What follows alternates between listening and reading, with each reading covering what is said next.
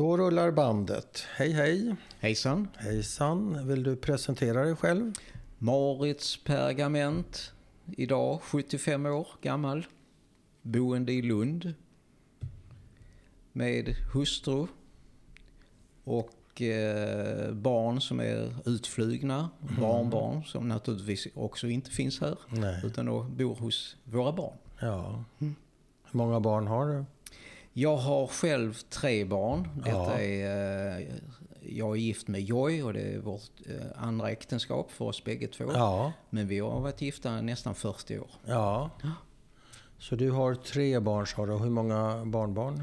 Eh, barnbarn tillsammans. Eh, jag har själv eh, fyra barnbarn. Mm. Eh, jag har en dotter som heter Susanna som har två barn. Mm. Jag har en son som heter Daniel som har ett barn.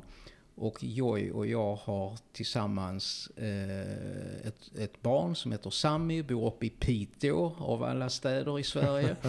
och de har två, två barn. En bit härifrån. Ja. Du, eh, för det mesta brukar jag ju höra av mig eh, till de som är med i podden och fråga. Men i det här fallet var det du som hörde av dig. Hur kommer det sig? Det stämmer. Det beror på att jag såg en, ett inlägg som du hade på Judiska församlingens blogg. Mm. Och då tänkte jag att jag ringer dig, kontaktar dig och ser om det finns något intresse. För det är mycket riktigt som du säger, det är ingen som har frågat oss egentligen vad vi tycker och våra känslor. Nej, andra generationen Andra generationen, ja. Och är det därför du vill berätta din historia eller vad, vad vill du uppnå så att säga? Jag vill berätta min historia som inte på något sätt är unik men kan ändå tillföra någonting till historien. Ja, varje historia är unik. Ja. Varje människa är unik Ja. såklart för att använda en klyscha. Var ska vi börja någonstans? Vi kan eh, börja från där jag föddes, Mm. 1946. Eh, mina föräldrar träffades igen efter att åtskilda i sex år. Ja, Då träffade, hittade de varandra igen här på ett eh, flyktingläger, flyktingsmottagande i Ja, Malmö. i Malmö. okej. I Malmö.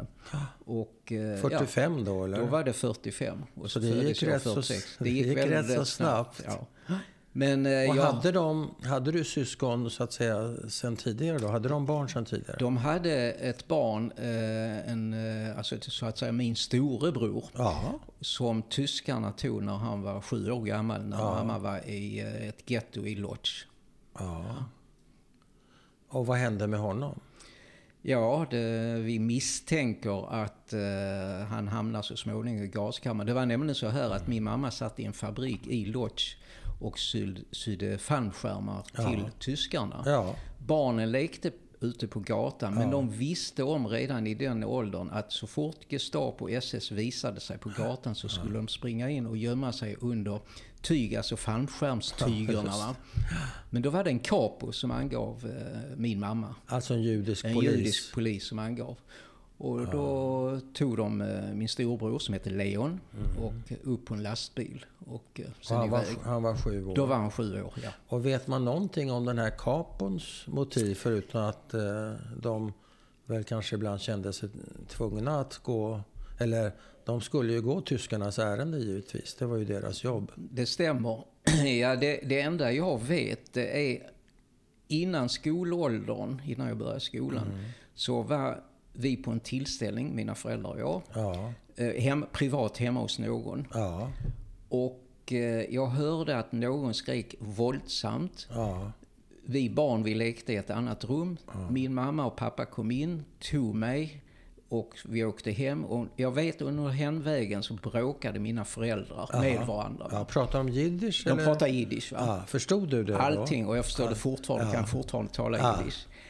Och eh, då visade det sig många år efter, när jag kom på den här historien, vad var det egentligen som hände där? Det. För jag kommer ihåg lägenheten, jag kommer ihåg alltihop. Ja, Men då berättar min mamma att eh, hon på den här tillställningen så satt hon mitt emot ett bekant ansikte. Hon kunde inte placera det. Tills hon kom på det. Det var kapon. och det var hon som skrek. Och det var hon som skrek. Min mamma skrek. Och vad skrek hon? Ja, alltså hon fick väl ett utbrott. Va? Ja. Jag, jag, kommer, jag kommer ihåg ett skrik. Ett va? skrik, Ett ja. utbrott. Ja, va? ja. Och sen eh, tog de, gick de därifrån med mig. Va? Ja, och vad bråkade mamma och pappa om då? Det kommer jag inte ihåg. Jag bara vet att det det, var... Det, bråk det, var mellan dem så uppstod det en diskussion eller Ja. ett bråk. Va? Jag kommer inte ihåg riktigt. Bodde den här mannen, han som då mamma kände igen som capo, för det här är i Malmö va? Det är Malmö, En ja. lägenhet i Malmö. Ja. Bodde han kvar i Malmö? Han bodde en tid i Malmö, sen flyttade han till Stockholm och sen vet jag inget annat. Jag har aldrig träffat honom. Men jag, jag fick reda på namnet då, va? Ja. vem det var. Men ja, ja det minns Men jag du inte. har aldrig efterforskat Nej. eh, honom? Har du, varit, har du funderat någonting på det? Nej, inte, inte på den här kapon. För jag förstod ju att den här kapon var ju pressad Ja. att ange. Ja. Så eh, det Så fanns det- ingen anledning. nej. Jag har lite halvdant eh, försökt forska var finns min eh, storebror. Ja, Leon. Le- Leon. Men eh, nej, jag har inte kommit någonstans där heller. Nej. Nej. Men inte heller så att du vet att han eh, avrättades eller mördades där och då eller någonting Nej, sånt? nej. Det, enda, jag- det enda jag vet är att eh, när de tömde Lodge så tillhörde min mamma bland de sista transporterna. Och jag har varit i va, och kollat eh, eh, på järnvägen finns det ju registrerat hur de skickade iväg. De var ju mycket noga tyskarna. Ja, Men i slutet så började de slarva. Då Aha. fick de ju brott. Ja. Då bara föste de in. Och förmodligen tillhörde min mamma de personer de föste in i godsvagnarna och så iväg till Auschwitz eller vad det var. Och mamma, eh, ha- hamnade hon i Auschwitz eller vad? Min mamma hamnade först i Hamburger eh, arbetsläger. Ja. Eh, därefter i Auschwitz Ja. och därefter i Bergen-Belsen där hon blev befriad Ja, av engelsmännen. Då hade det varit någon dödsmarsch emellan då? Ja, Från det var en dödsmarsch, till... ja. eh, Så hon var med om ett Ja. annat, mamma. Ja, stämmer. Berättade hon mycket om eh, sina erfarenheter? Aldrig. Aldrig? Aldrig. Aldrig någonsin? Aldrig. Det enda, det enda hon... Frågade du då? Eller var det... Nej, jag var nog slarvig och fråga Eller också. låg, låg det lite i luften att man skulle inte fråga? Man eller? skulle inte fråga. Nej. Eh, Det enda jag kommer ihåg när vi frågade eh, mamma vid något tillfälle om koncentrationsläger. Ja. Det var att hon sa, jag hade det bra. Och då undrade vi, eh, jag och min syster, vad, vad var det som var bra i ett koncentrationsläger? Jo, när hon var i Bergen-Belsen, så den här gestapon eller SS-mannen eller vakten som hade hand om den baracken, ibland kom han med en kam till dem så de kunde kamma sig. Då hade man det bra. Då hade hon det jättebra. Det var det enda. Och hon, hade, hon var inte rakad, hon hade hår. Vet jag inte. Nej. det vet Eh, inte. rimligen hade hon ja, hår. förmodligen hade det börjat växa ut. Ja, börjat växa ja, ja. Så när din, din syrra, när föds hon? Hon föds 53. Det är sju 1953. år senare, så det, Ja, det tar ett tag. Ja. Är det några eh, missfall emellan? Nej, eller? ingenting. Nej. Ingenting missfall. Det Utan måste ha varit en eh, oerhörd de, de ville lycka ha... Hon att få var en flicka också kanske. det var en flicka, så det är ju prinsessan ja, i hon familjen. var prinsessa. Ja, ja, var hon det- bortskämd? Nej, det, vet, nej, det kan jag inte påstå. Nej då, nej då inte alls. Hur blev det för dig då när du fick en, en syster? Ja, för mig blev det, i motsats till många, som många tror, så blev hon i vägen för mig. Jag var ju sju år äldre. Jag Ja. ville ju vara med mina kompisar och allting. Och fick hela tiden höra av eh, mina föräldrar, kan du inte ta hand om, hon heter Rut, min Ja. del. Nej, hon är i vägen för hon ska Ja. inte vara med oss. Vi, är mycket, Nej. vi håller ju på med mycket tuffare och pojklekar. Sju år är ju en stor åldersskillnad visst, för all ja. del den. Men så var det så länge jag bodde hemma. Jag Ja. skulle försöka ta hand om henne, Ja. ta med henne ut när jag skulle på Ja. det ena och det andra. Men jag vägrade. Och blev du några... Fick det några följder? Blev dina arga föräldrar arga på det? Eller Nej. drog de in veckopengen? Nej, eller? nej, inget sånt. Utan de nej, försökte, de men du försökte. hade utrymme att säga nej Ja, alltså? ja, ja. Jag eh, slog mig loss ganska tidigt. Jag, jag började spela eh, ute när jag var 17-18 år. Spela instrument? Ja. Vad spelar du då? då? Jag spelade, på den tiden spelade jag fiol, Ja. men jag spelade jazzfiol. Ja, Och jag spelade en stor jazzorkester. wow. Och, Vad eh, hette den? Coolings heter den. Coolings. Coolings. I, är det här i Malmö? Det är i Malmö, ja. Och det var Gunhild Carlings pappa som Ja. var min kapellmästare. Hon är ju känd och han är ju känd också. Han är ju känd från olika saker. lite av ja. varje. Ja, sina eventuella nazistiska helt sympatier och sånt här. Och Men i orkestern känd. spelade även Göran Skytte, känd eh, Ja. journalist. Var Men hade du några problem då som judepojke? absolut inte. De, När jag gick med i orkestern eh, så eh, sa de till mig att du som jude kan ju inte gå med i den här orkestern. Vem sa det? Ja, det sa de andra Ja. eh, pojkarna i orkestern, musikerna. Va? Ja, ja. Och jag vet vid ganska tidigt tillfälle så var jag hembjuden till Hans Carling för han skulle visa mig någonting med musiken. Och då sa de till mig flera gånger, du kan inte gå dit där Moritz därför på väggarna i hans rum så hänger det hakors, Hitler-teckningar och allt sånt där. Men jag gick dit där i alla fall, där fanns ingenting. Och under alla de åren jag spelade med honom, det var aldrig någonting, han nämnde ingenting. Men däremot mellan honom och Göran Skytte Ja. så var det ständigt bråk. Ja, men det kanske var mera politisk Det var eh, politiskt. vänster-höger-fråga. Ja, men det var det. det, var det. Ja. Och det roliga... Och han kanske var mera debattglad än vad du var. Ja, det var han säkert, kunde mer. Ja. Men det, roliga, bara- det, det roliga var ju också att Hans Carlings största idol, det var en judisk jazzmusiker. Det finns inte så många judiska jazzmusiker. ja, Som hette Big Spiderbeck. Det var Ja. hans största idol. Ja, ja. Ja, det är en jude. Det visste var en jag jude. inte. Ja, ja. jag visste att han var musiker. Vem, vem lärde dig spela fiol? Eh, det Hur gick det till? Det gick på följande sätt till att eh, flyktingarna som kom till Malmö Ja. hade som samlingspunkt Folkets park i Malmö. Ja. Och eh, där samlades alla och där, på den tiden var det ju levande musik i varje paviljong. Jaha. Och jag då som liten pojke eh, fick, blev snabbt, orke- eh, speciellt en orkesters, eh, ska vi säga, lite springpojke. Ja. Eh, Så när de behövde cigaretter eller en snaps eller sånt så där så, fixade kallade de. de på mig och så fick jag gå och köpa det och så fick jag fem öre eller tio öre. som Ja, det ja.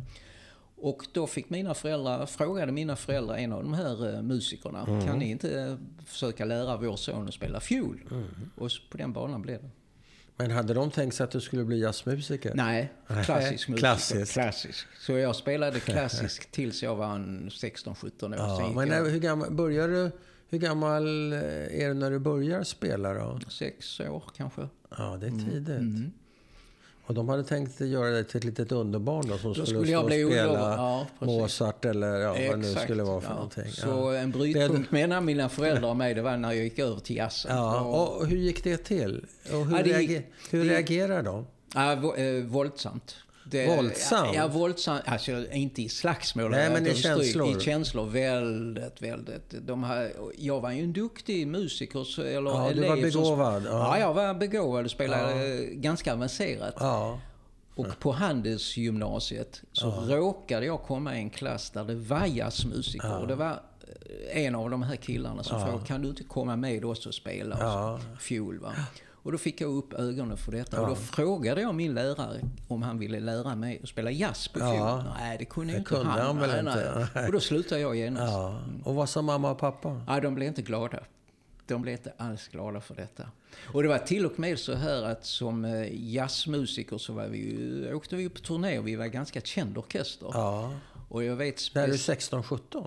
Då är jag 17 år vid det tillfället. Oj. Och då vet jag vid ett tillfälle så blev det över påsken, den judiska påsken, Pesach. Pesach. Vi skulle på turné till Danmark. Aj, aj, aj. Och jag åkte med. Och så länge jag bodde hemma och långt upp i åldrarna så fick jag höra ja, att vi aldrig glömmer när du lämnade oss på Pesach. Så det var, smärtade mycket. Ja, faktiskt. Fick du dåligt samvete? Delvis, men eh, nej, ja, nej det kan jag inte påstå. Religionen har inte legat Nej, högst men föräldrarnas eh, Ja, de- besvikelse mera? Mycket besviken. Ja, men den tog inte dig så hårt? Nej, inte på mig. Nej. Men de var besvikna Ja, de var besvikna, Ja, ja, jag förstår det. Mm. Men de ville väl att du skulle Ja. känna, känna det där och rätta sig. Ja. Men du sa att du tidigt skaffade dig ett svängrum. Jag tror det var så du uttryckte det. Ja. Vad handlar det där svängrummet om, tror du? Ja, Svängrummet handlade om att jag, jag hade många eh, icke-judiska vänner. Mm. Jag hade många judiska vänner, men jag hade många icke-judiska vänner Ja. också. Och eh, ja, jag var ganska, hur ska vi säga, jag var inte duktig i skolan heller. Jag slarvade Nej. i skolan också. Jag tog jobb redan när jag gick i skolan. Och jag var nog bland, jag hade det unika att få en moped som 14-åring. Man skulle egentligen Man skulle vara vara 15 år. 15 för Man skulle åka vara- för att moppe. Ja, men då var jag springpojk på ett företag som heter Hermods i Malmö. Ja, Ja, och jag skulle köra ut med elevlöv. Och då Ja. ordnade Hermods så att jag fick eh, Wow. tillstånd, sånt dispens där, ja. att köra Ja, ja. moped när jag var 14 år. Och det var en massa sådana grejer Ja, jag så du själv var fixade. framåt. Ja, visst. Och tjänade pengar naturligtvis. Och tjänade pengar. Ja, jag kunde... Men jag, vi ska bara avsluta den här jazzhistorien. Kommer det till en punkt där mamma och pappa säger men, ja, men vi förstår, nu förstår vi att du hade rätt och vi fel. Du tjänar pengar och det går bra för dig. Nej, nej. Det kom aldrig till en Nej, sån... nej. De omvärderar aldrig det Nej, där. nej, det gjorde de aldrig. Det, det gjorde de faktiskt. Men jag vet att de var ju besvikna. De hade ju gärna sett mig som en... Ja, ja. Men förr eller senare kan man säga så Mm. här, ja, men det här blev ju bra för dig. Men Sa de aldrig så? Nej. Att, eh, Men de behövde aldrig bekymra sig därför att min syster, hon gick i den klassiska vägen. De, Ja. de fick allt detta hos min syster Ja. istället. Så det var inga problem. nej. Okej. Hur var din relation till dina föräldrar? Den var bra.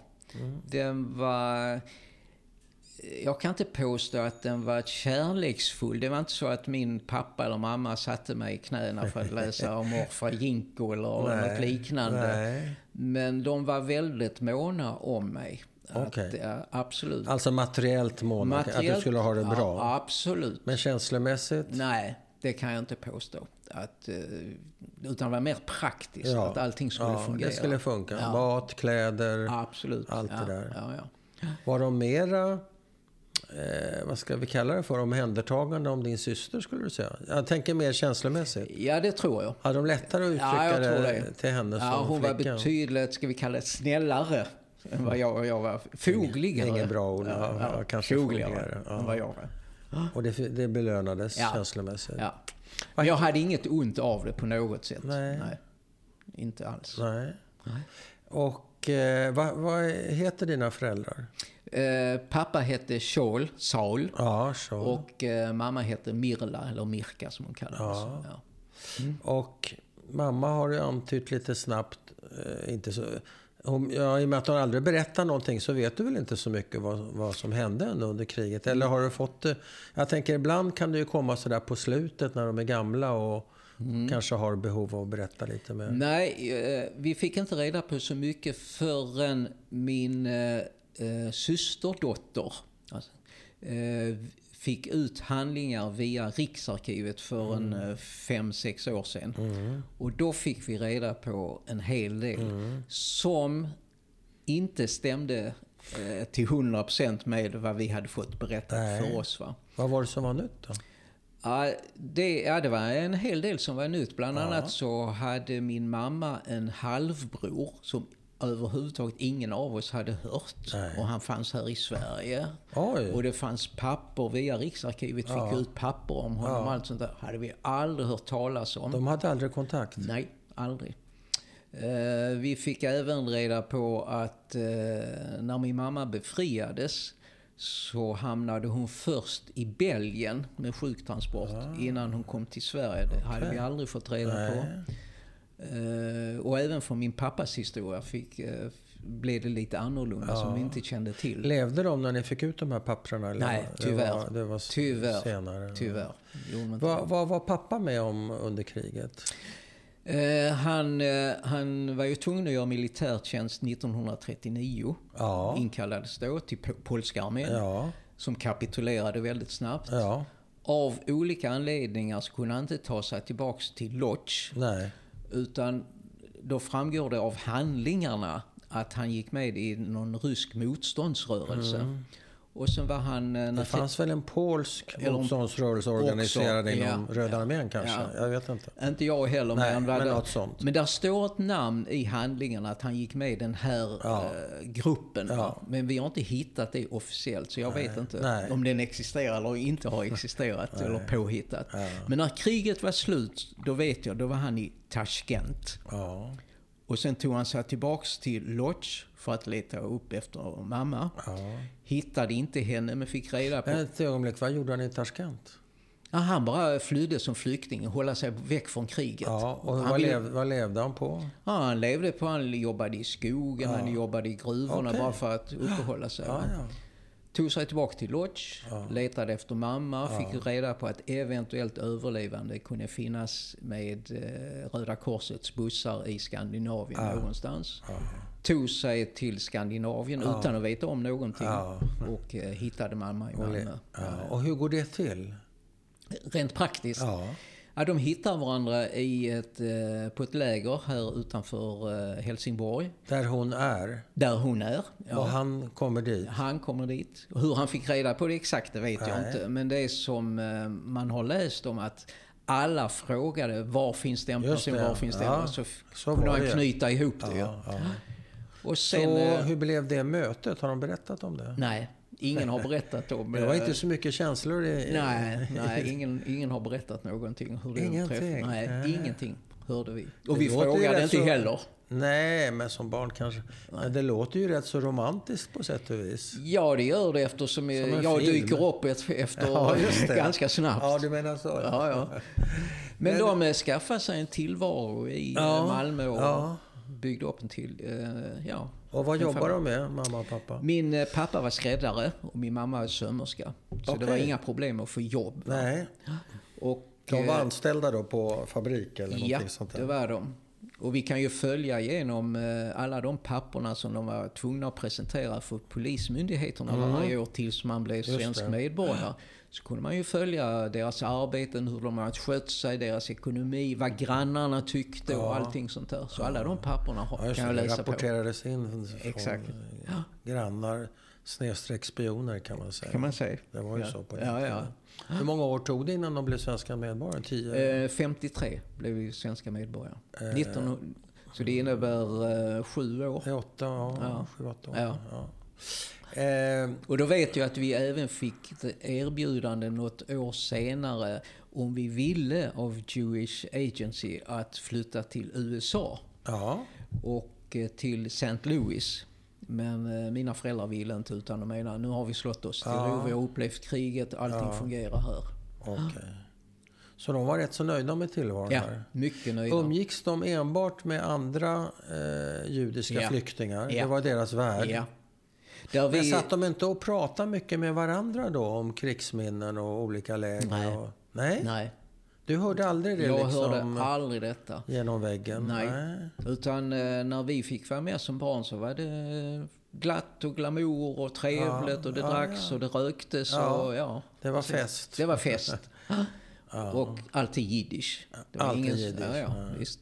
Så när du börjar skolan, kan du, har du både lärt dig, du kan jiddisch, har du också lärt dig svenska? Ja, det talar jag helt perfekt svenska. Det gjorde jag som eh, väldigt liten. Vem lärde dig det då? Ja, det var kompisarna på Ja. gården. Du hängde med dina ja, polare? Ja. Ja, ja.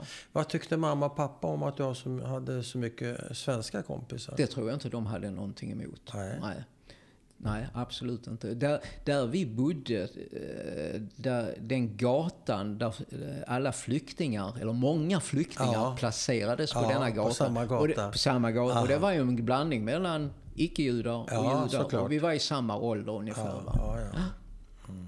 Och inte långt ifrån oss på baksidan av vår gata, då hade vi några kvarter som hette Tatrarekvarteren. Och Tatrarekvarteren, det var dåtidens zigenare, alltså dagens romer som Ja, bodde där. det, ja.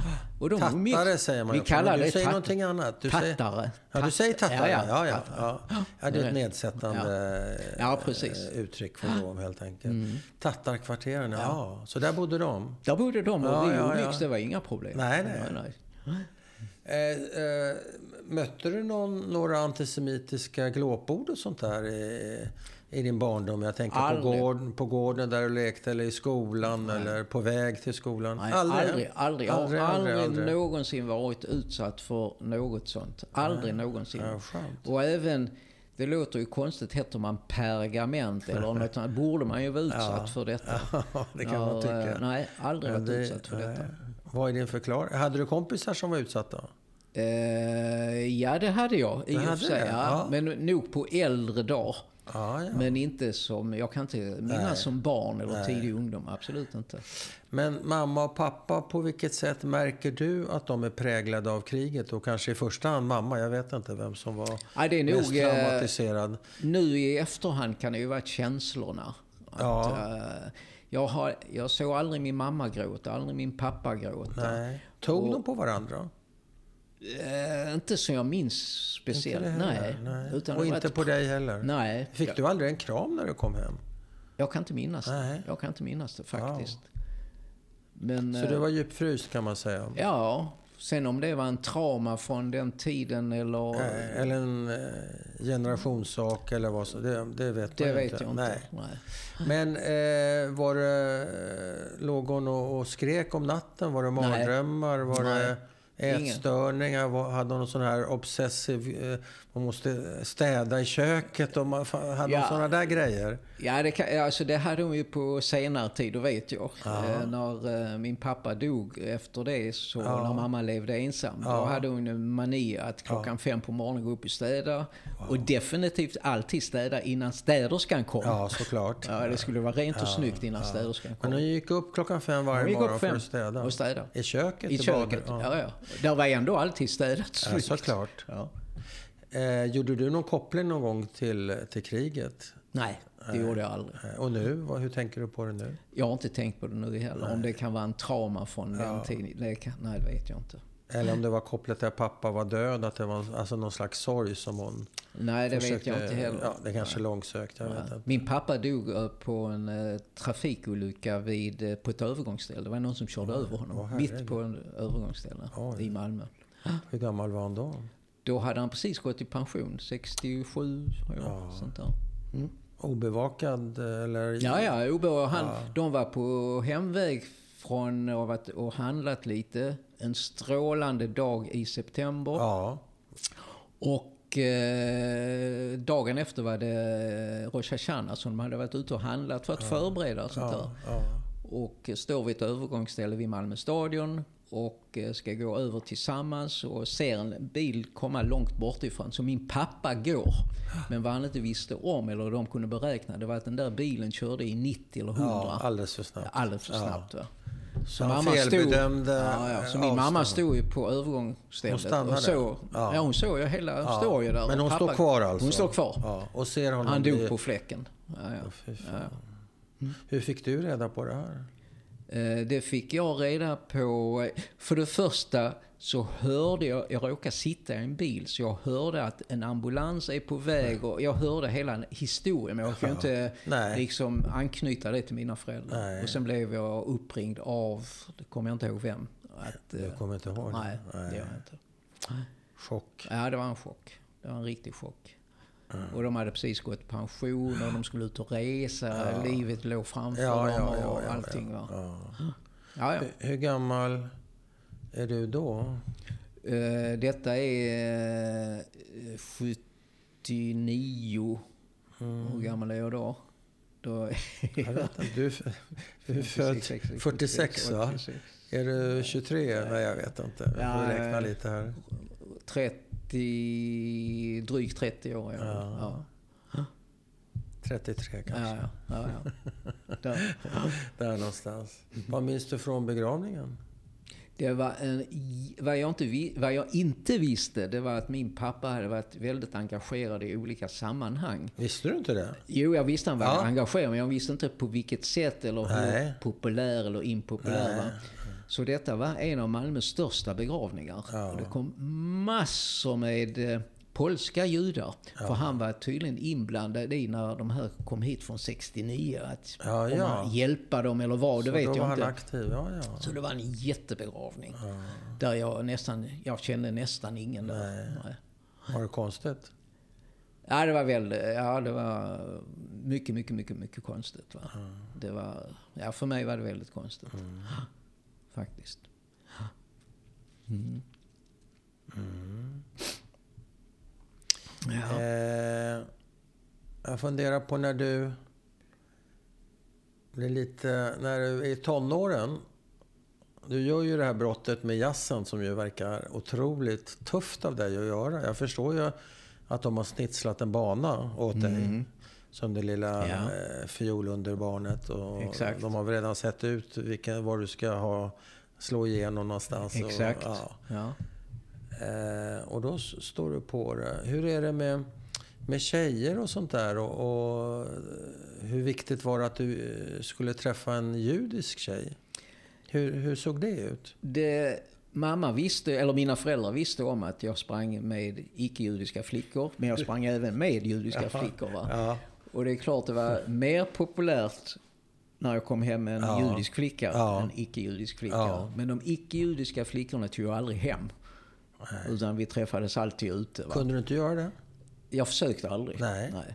Men eh, judiska flickor var ju inga problem. Och vi hade väldigt mycket kontakt, vi ungdomar på den tiden, med eh, ungdomarna i Danmark. Ja, judiska ungdomar. Judiska, ja. Då var det bara judiska ungdomar. Ja, pojkar och flickor. Schuff och sådana där Exakt. grejer. Ja. Och de sov ju ofta över, antingen killar eller ja, flickor hos oss. Eller jag sov över i Köpenhamn. På den, tiden, på den tiden gick det ju båtar. Men de gick ju inte, den sista båten gick 10-11 på kvällen. Ja, ja, Då var man tvungen att ligga över. Men var det uttalat att eh, de ville att du skulle träffa en judisk flicka och gifta dig? Ja, eh, det var det nog. Det kan jag nog säga. Det var Ja. det. Hur påverkar det dig? Nej, det, det, vi hade, det var ju många judiska flickor så det påverkade inte mig speciellt. Va? Och eftersom vi kände, vi ungdomar, pojkar i Malmö, vi kände ju många danska flickor också. Va? Så det, det fanns ju en uppsjö av flickor. Ja, men, men hur påverkar dig? För du träffade ju också icke-judiska flickor. Ja. Nej, det, nej, det påverkade mig inte alls. Nej. Jag tänkte inte på det faktiskt. Nej. Så vi, jag hade ett väldigt stort socialt nätverk. Ja. Av både pojkar och flickor, ju, judiska, icke-judiska. Ja. Och sen dessutom hade jag ju fördelen av att jag var, hur ska man säga, lite av en eh, idol för många när jag spelade i ett sånt Ja, storband, alltså ja. orkester. Det var väl ja. superhäftigt. Ja, visst, visst. Som jag ibland kunde utnyttja, Jaha, självklart. Okej. Men eh, blev det din framtid sen, eh, jazzmusiker? Eller Nej, ja, delvis. delvis? Delvis. Därför att eh, efter jazzen och skolan så eh, började jag själv spela på en eh, elorgel ensam ute. Mhm. Och då var jag ungefär 23 år. Mm. Ingen trummis eller någonting? Nej, nej, det fanns inbyggt Fanns i. Så jag var ensam på den Du här. körde alltihopa? ja, ja, och hade massor med jobb. Alltså jag var ute varje helg. Varje helg var jag ute. Och sen dess, fram till för ungefär tre, fyra år sedan, har jag spelat ute. Oj. Ja, så jag la av ungefär för tre, fyra år sedan. Ja, strax innan pandemin. Och vad var det för repertoar då? Då, dels, eh, dels var det den hela judiska repertoaren. Jaha. Så, eh, så du spelade på bröllop och bar Ja, mitzvahs och överallt, överallt Ja. i hela Skandinavien. Ja. Men dels också vanlig dansmusik. Mm. Eh, av, det kan vara sydamerikansk, evergreens, och ja. valser, allt. Allt fixar du. Allt. Kände du att mamma och pappa var stolt över dig? Ja, det tror jag nog. Mm. Det tror jag nog. Uttryckte de det? Eh, nej, det vet jag inte. jag kommer inte ihåg Hade det. du väl vetat? Nej, nej det, det tror jag inte. det. Men de, de förstod ju att det var mitt liv och jag mådde bra. Jag tjänade pengar på det, Ja, förutom ja. mitt vanliga arbete. Så Ja. det var inga problem. Ja. Nej, det var inga problem. Nej. Vem av dina föräldrar stod du närmast skulle du säga? Pappa. Pappa. Mm. Och varför? Eh, pappa uttryckte en viss, eh, hur ska jag säga, mamma var mer praktisk. Hon kanske var mer, eh, om man jämför deras, eh, jag vet inte hur jag ska uttrycka. Jag tror jag lever upp mer till pappa med tanke på att han var rolig, han var utåtriktad. Ja, och, ni eh, förstod er på varandra Ja, vi förstod varandra. Ja. Och mamma var, ville hålla sig åt sidan. Var mamma lite tung eller? Alltså i sinnet tung eller nej? det kan man nog säga, men hon var praktisk, väldigt ja, praktisk. men var hon, lite, var hon lagd åt det dep deprimerade nej, hållet? inte alls. Nej. Inte alls. Men hon var inte någon s- Hon var skoj- tuff. Det var en tuff Hon var en fi- tuffing, Hon var en ja. tuffing. Min Men mamma du, du är ju en person som verkar gilla att skämta. Jag sa det på vägen Mm. upp här. Det, här. det här blir nog bra. Han verkar ha humor, sa jag. Bara av det lilla vi pratade Mm. i porttelefonen. Och det tror jag stämmer. Och pappa var lite grann likadan? Han var likadan. Ja. Pappa var likadan. Okay. Det var, och när man Så. hörde efter hans dödsfall, ja. eh, när man träffade folk ute. Han var rolig, han var charmig, ja. han var spexare. Och, ja. och ni, ni hade pingis? Ni liksom ja, eh, ja. hade bra kontakt? Ja, det hade vi. Vad gav han dig? Han, ja, om vi ska tala lite om känslorna så kom känslorna från pappas sida. Ja. Ja. Men eh, annars kan jag inte påstå att han eh, gav mig inte. Men han, de tillät mig att hålla på, speciellt pappa, med det jag ville hålla på ja. Han var uppmuntrande, eller han kanske inte var uppmuntrande, han var tillåtande. Tillåtande, ja. Men det är inte så dumt. Nej. Du fick vara lite som du ville. Ja, precis. Var det aldrig du fick höra att nu har du gått över gränsen? Så där kan du inte göra, så där kan du inte nej, säga. Nej, nej. Det, för att veta hur praktisk han var. Ja. Och, eh, så jag vet, jag var en... Jag gick i första, eller andra eller tredje klass i folkskolan. Mm. Så hade EPA, gamla EPA, ja, etablerat varuhus, sig. Ja. Eh, öppnat ett nytt varuhus. De hade ett varuhus i Malmö, men de ja. öppnade ett nytt till i närheten av den skolan. Ja. Och då var vi ett par killar som gick dit där en lunch. Ja. Och då hade de i en uh, liten uh, ställning så hade de här små skruvmejslar med glashandtag. Just det. Det, det var inget märkligt. Och de kostade, jag vill minnas de kostade 25 öre styck. Och alla vi killar som var där, vi snattade en sån här. Och när det hade gått en tid så upptäckte min pappa detta i hemmet. Ja. Och eh, ja, efter många om och men fick jag ju erkänna att ja, jag hade stulit den här eller snattat den här. Och förväntade mig, ja då får jag väl stryk nu eller någon bannelse. Nej, det fick jag inte. Nej. Så gick det några dagar. Då hade han köpt en ram och ramat in den här eh, skruvmejseln, ja. hängt det på mitt rum. Ja och sagt så länge du bor hemma ja. så ska den hänga där. Sen får du göra vad du vill med den. Och den hängde där hela tiden. Och vad, vad var funktionen? Att påminna, påminna dig att inte göra det igen? Precis. Precis. Det, det var rätt så ja, ja. ambitiös. Men när du sa att du, du väntade att få en hurring, ja. det sa du inte. Brukar du eh, få stryk av pappa? Hände det? Det hände att jag fick stryk. När jag eh, var i slagsmål. Ja, jag kunde vara i slagsmål. Vad kunde det vara? Ja, jag kunde vara i slagsmål, slagsmål med andra kompisar. Ja. Och, eh, där min pappa tyckte det var lite väl onödigt så fick jag väl en omgång hemma. Men det, väl, det var väldigt sällan. Ja, jag vet, jag fick en gång när han, pappa, retade upp mig där jag sa håll käften. Då fick jag stryk. Och vad, hur gjorde han för att reta upp dig till ja, Det kommer jag inte ihåg. Men det, men det var han som liksom drev fram han det? Han drev fram detta. Och, och, och jag kommer inte ihåg ämnet eller ärendet. Men det gick så långt så jag... Och ja. hur, hur fick du stryk då? Då fick jag... Ja, då fick Hur? Jag, nej, då, då, för det första, var det galge? Var det nej, örfil? Vad var det? För det första tog han av sig bältet och så slog oh, han mig med bältet. Oh. När han väl hade gjort detta så tog han av sig skorna och jag skulle kyssa hans fötter. Nej men gud. Mm. Det var det värsta straffet jag fick. Det var grovt. Ja. Vad eh, utlöste det för känslor hos dig? Ja, det är ju klart att jag var sur ett antal dagar, men sen, ja. Så men kände du dig inte oerhört orättvist behandlad? Nej, det, i det läget det hände så kände jag mig väldigt orättvist behandlad. Ja. Men, uh, men det rann av dig? Det rann av. Det var inget, blev inget livslångt nej, agg nej, mot din nej. far? Mer än att jag kom ihåg det nu. Ja, det är rätt så förfärlig historia. Men det kunde, jag kunde fått mycket värre. Jag kunde, han kunde slått mig mycket mer och... Ja. Nej då, det var... Så kan man ju säga.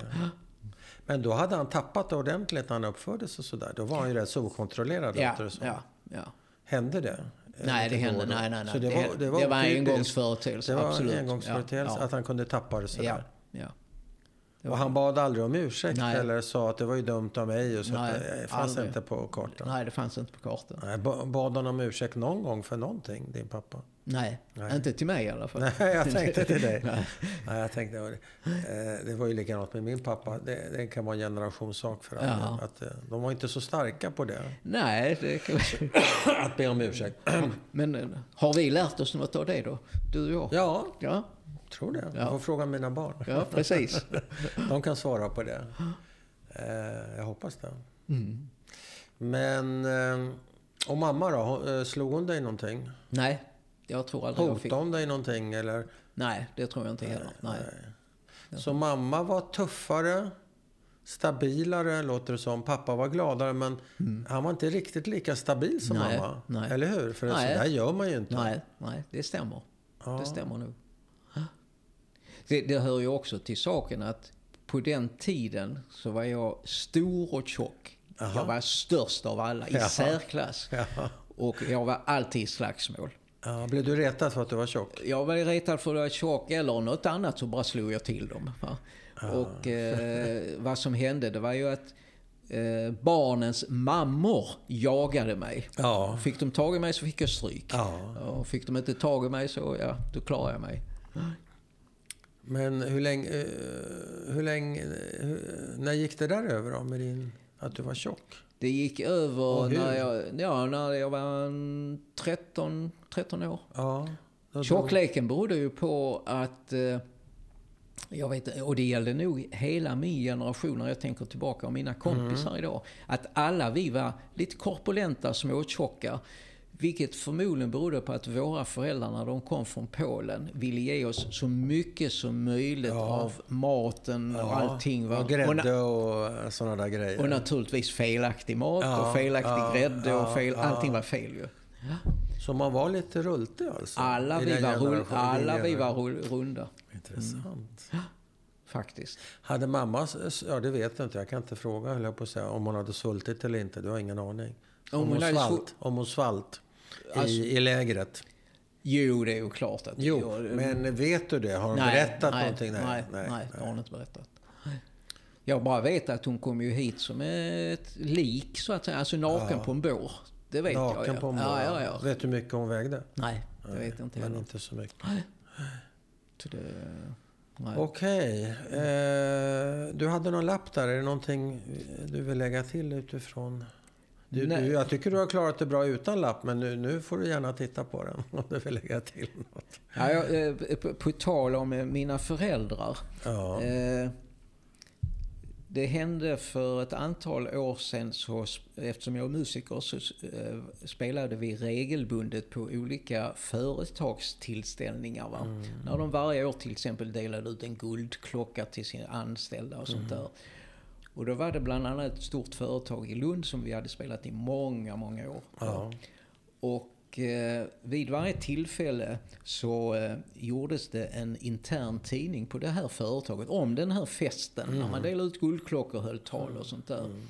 Och vid första tillfället när den här eh, fotografen och skribenten skulle skriva om den här festen så kom hon ju fram till oss i orkestern och frågade, nu när jag ändå ska skriva, vad heter ni för någonting? va? Och jag presenterade alla i orkestern och så säger jag mitt eget namn. Jag själv heter Marits Pergament. Jaha, sa hon, men det låter bekant, Pergament. Jaha, sa jag, vad heter du? frågade jag henne, den här fotografen. Ja, sa hon, jag heter Hanqvist. Jaha, sa jag, men jag hade en eh, lärare, berättar jag då, att, som hette Hanqvist när jag gick i fjärde klass i folkskolan. Jag sa, men det var min pappa. Och nu kom jag på, säger hon, varför jag känner till det. Därför min pappa berättar om pergament att det mötet var det mest exotiska mötet han hade varit med om. Jaha. Och då så sa jag, ja men då vet jag vilket möte detta är. Jaha. Och då var det på följande sätt. Ja. När jag kommer hem med betyg, när jag, jag kommer inte ihåg om det var ett julbetyg, vilket man fick på den tiden. Ja. Då var det inte bra, det betyget. Så mina föräldrar säger, du vi måste nog tala med läraren. Varav då jag, trots att jag är sung, så, så gör man inte i Sverige. Man talar inte med en lärare om sånt. Nej. Utan eh, du, jag får finna mig att det här betyget, jag ska försöka skärpa mig. Skärpa mig. Nej, nej, nej, nej, vi ska tala med din lärare. Så vi bjuder hem honom. Alltså det kan man inte göra i Sverige. Jo, vi bjuder hem honom. Sagt och gjort. Ja. Hon, mina föräldrar bjuder hem läraren. Ja, Hanqvist. Och Hanqvist med hustru Ja, som ja. ingen hade träffat. Nej. De kommer dit där, jag skäms, går in i ett annat rum och vet inte riktigt vad som händer. Nej. Och eh, det mötet hade satt sån prägel på den här läraren. Jag fick inte mycket bättre betyg, men lite bättre betyg. Men han berättar för, visade sig för alla i sin omgivning och, sin, i sitt, eh, och i sitt sociala nätverk Ja. om detta Ja. möte som lär ha varit fantastiskt. Ja. Och då förmodar jag att mina föräldrar hade berättat om andra världskriget, Ja, vad de hade det. upplevt Ja. och att då min lärare hade fått träffa sådana personer. Och det kom hon ihåg. Han hade berättat för, för dottern då, fotografen, att det var det mest exotiska mötet han någonsin hade varit på. Var det så? Precis. Och, då hörde, och detta har jag berättat för massor med människor. Ja. Och min fru har hela tiden trott att detta är väl en skröna. Det har väl inte förekommit. Tills för tre år sedan. Ja. När vi träffar, när jag är ute och spelar eh, här på saluhallen. Och min fru ska hämta mig. Och den här kvinnan kommer in Ja, i salen. fotografen alltså. Fotograf. Ja. Och då säger jag till den här Ja, kvinnan, ja. min hustru. Jag ska berätta den historien till min hustru. Så att hon så vet att det var sant. bevis, det var beviset. Ja, ja. Men eh, det väcker ju ändå följdfrågan om du eh, skämdes ofta för dina föräldrar. För det, det här var ju en situation som var otroligt pinsam för dig. Och det är lätt att förstå. Du bara försvinner in i ett annat rum. trots finbesöket. Men var det ofta... Eh, jag bara får en bild framför mig att du var deras svenska guide ibland in i det svenska samhället. För de fattade inte riktigt Nej. hur det gick till. Var det så? Det var så och det är bra att du tar upp detta. här. Jag skämdes för mina föräldrar. Ja, du Men, gjorde det? Ja, jag Ja. skämdes. Och Men vad- jag för vad? För vad? De kunde inte svenska ordentligt. Det är pinsamt. Och på den tiden var det ju inte många. Idag är det ju mer vanligt. Jo, jo, jo. Ja, vi har ju blattesvenska. Ja, Ja, ja, det är ja, nästan ja, ja. en kult att prata Ja, blatte. ja, ja. Men på den tiden tyckte Men jag du det var- skämdes så att de inte... Och ingen av dem pratade någon vidare svenska? Nej. Någon, kunde de prata? Ja, ja, ja, absolut. Men de bröt? Ja, ja, jag bröt väldigt Hur kraftigt. lät de? Nej, nu har jag glömt det. Jag kan Nej, inte, är- inte imitera. musiker. Ja. Det ska kunna... Nej, men eh, det var inte bra. Men det lustiga är att när min pappa dog, efter det så började min mamma läsa bara svensk litteratur. Hon var alltid först på biblioteket Ja. när det kom ut en Nobel, Ja. ny Nobelpristagare. Ja. Men eh, svenskan bröt de väldigt mycket på. Ja. Och jag skämdes när jag skulle gå med dem på kanske en bank eller en viss affär eller hjälpa till med någonting. Va? Det, och så vid dessutom så var de typiska judar, de skulle pruta på allt som gick att pruta på. Okej, typiska judar. Ja. Ja. Men eh, var du med och hjälpte dem till rätta till exempel på en bank eller en post eller en affär också? Ja, Vad när jag blev äldre, Ja. då gjorde jag det. Ja, vad skulle du göra då? då? Ja, hjälpa dem, ja, och det, det var nog som jag erbjöd mig själv. Men hur gammal är du då? Ja, då är jag väl eh, drygt 20, över 20. Ja, du är så gammal. Ja, ja. ja. Det jag. Ett, ja. Men det tycker du är pinsamt när, de går, när ni går in på det ett bankkontor och de ja, bryter? absolut. Är det absolut. så? Ja, det tyckte jag. Borde du inte ha vant dig vid det laget? Jo, jag vande mig, men jag tyckte ändå det här mötet var pinsamt. Det blev och trögt, Ja, ja. Och så hade de kanske inte hängt med hela, hela utvecklingen. De var kanske kvar i en gammal utveckling. Så fick jag, fick jag finnas med där. Blev de svenska någon gång? Nej, det kan jag inte påstå. Det kan jag inte påstå. De hade eh, fortfarande jättestor eh, socialt umgänge med judiska vänner. Nästan bara judiska Ja. vänner. De var kvar i den Ja. gamla världen kan Ja, man och säga. när min pappa hade gått bort så min mamma hade däremot efter det även icke-judiska Ja. vänner, eh, kvinnor som de gick på konserter, på Ja, teater med och ja. sådär. Ja. Men, eh, och när du var mindre då? Kommer du ihåg när jag tänker på, inte vet jag, föräldramöten eller avslutningar när man är tillsammans i skolan med sina föräldrar? Eller, Ja, det, det gick, var, de, gick de på Ja, avslutningar? de kom ju, men Ja. eh, jag, helst hoppades jag att de aldrig pratade med folk, för jag tyckte det var pinsamt. Jag har också en episod när vi, jag är kanske, säg 9-10 år gammal, Ja. i eh, det huset vi bodde. Eh, Ett fyravåningshus. Eh, Vi bodde längst ner. Ja. Längst upp bodde det en arkitekt som var fritidspräst också. Och han var, vi var väldigt goda vänner. Ja. Och eh, han bad en gång att få, om man fick närvara vid en judisk pesar. Vilket var utlöste en väldigt diskussion hemma hos oss, eller bland mina föräldrar. Där vi kan inte ha en icke-jude sittande vid sederbordet här. Det är Asså? fullständigt omöjligt. Ja. Men eh, så småningom så fick han i alla fall Ja. komma efter många om och men fick, Ja. de, fick han sitta med och han och hans hustru. Va? Men det utlöste en väldig diskussion va, hemma. Det, De var lite slutna.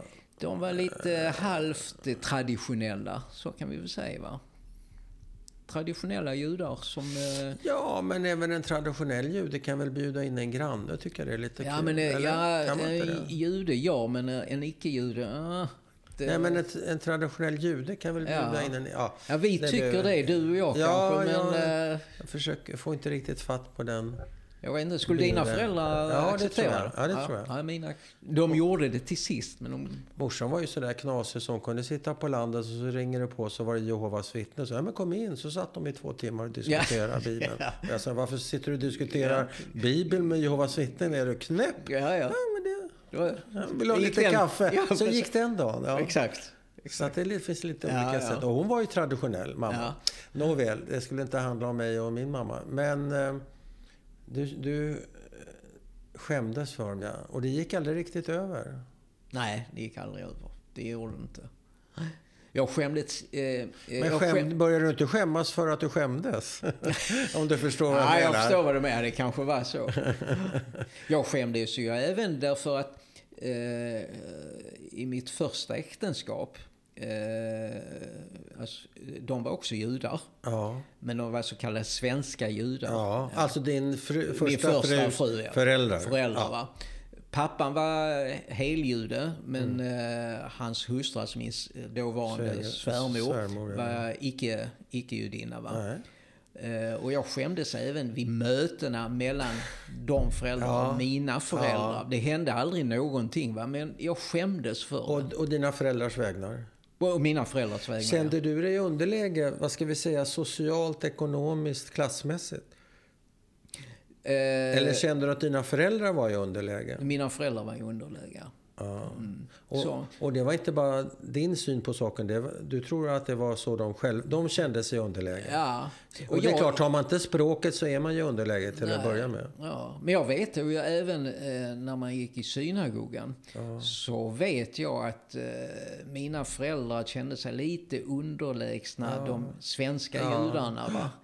Eh, den känslan fanns ju hela tiden. Men inte bland oss ungdomar. Nej. Vi umgicks över Ja. alla umgicks. Du har aldrig haft, det har aldrig gått i arv till dig? Nej, det har det Den inte. där känslan nej, av... Nej, eh, nej, nej. Utan vi, eh, vi Det var hittade jämst- varandra direkt. Ja, ja. vi, det var inga problem. Va? Intressant. Ja, vad vill du lägga till? Vill jag lägga till Ska vi ha en koda till, på det här? Heter det så? Kåda heter det, ja. Nej, det... Eh, Om du vill, alltså. Jag är, är eftersom, du inte, eh, eftersom du inte vet eh, beträffande musiken. Jag var med och dra igång Keps. Ja, Och var där- jag till. Ja, och jag var deras kapellmästare alla åren så länge vi existerade. Ja. Och, Det är Kletsmer va? Eller vad är ja, det, är Keps? det var allt möjligt. Ja, det så var vi spelade... möjligt. eh, Under ett, många år så hade vi, låg vi upp mot eh, 70 spelningar om året. Förutom våra civila jobb. Va? Så vi var runt om i Skandinavien. en i veckan, eh, Ja, drygt. det var det. Ja, Ja, drygt. Och det var judiska och icke-judiska. Ja. Ja. Och det var ja, allt, alla möjliga spelningar. Det var det faktiskt. Och gett ut två skivor med, med i- judisk musik då. Ja. Har du spelat in någon klassisk musik? Nej. Nej, det blev aldrig så. Nej, nej. Det är inte för sent. Nej, nej. Nu, nu har jag lämnat det helt. Ja, det har jag lämnat det helt. Skulle du kunna spela klassisk musik? Ja, absolut. Ja, ja. På, eh, speciellt på fiolen. Ja, jag tänker på ja, fiol. på fiolen, Ja, ja. du spelar Ja. keyboard och allt möjligt. Ja, ja. Det är klart. Nej, jag på piano på... tror jag inte jag Nej, men fixar. på- Men på fiolen, så, Ja, ja, ja, absolut. Okej. Vad bra, tack så mycket. Är han nöjd? Ja, han är nöjd. Är Ja. du nöjd? Ja, jag är nöjd. Är du det? Det viktigaste är att du är nöjd. Det vet jag. Ja, ja. Tack ska du ha. Jag förmodar att du klipper och grejer. Nej, det. är sånt kör vi inte med. Utan vi kör live här. Så. Live on tape. Okej.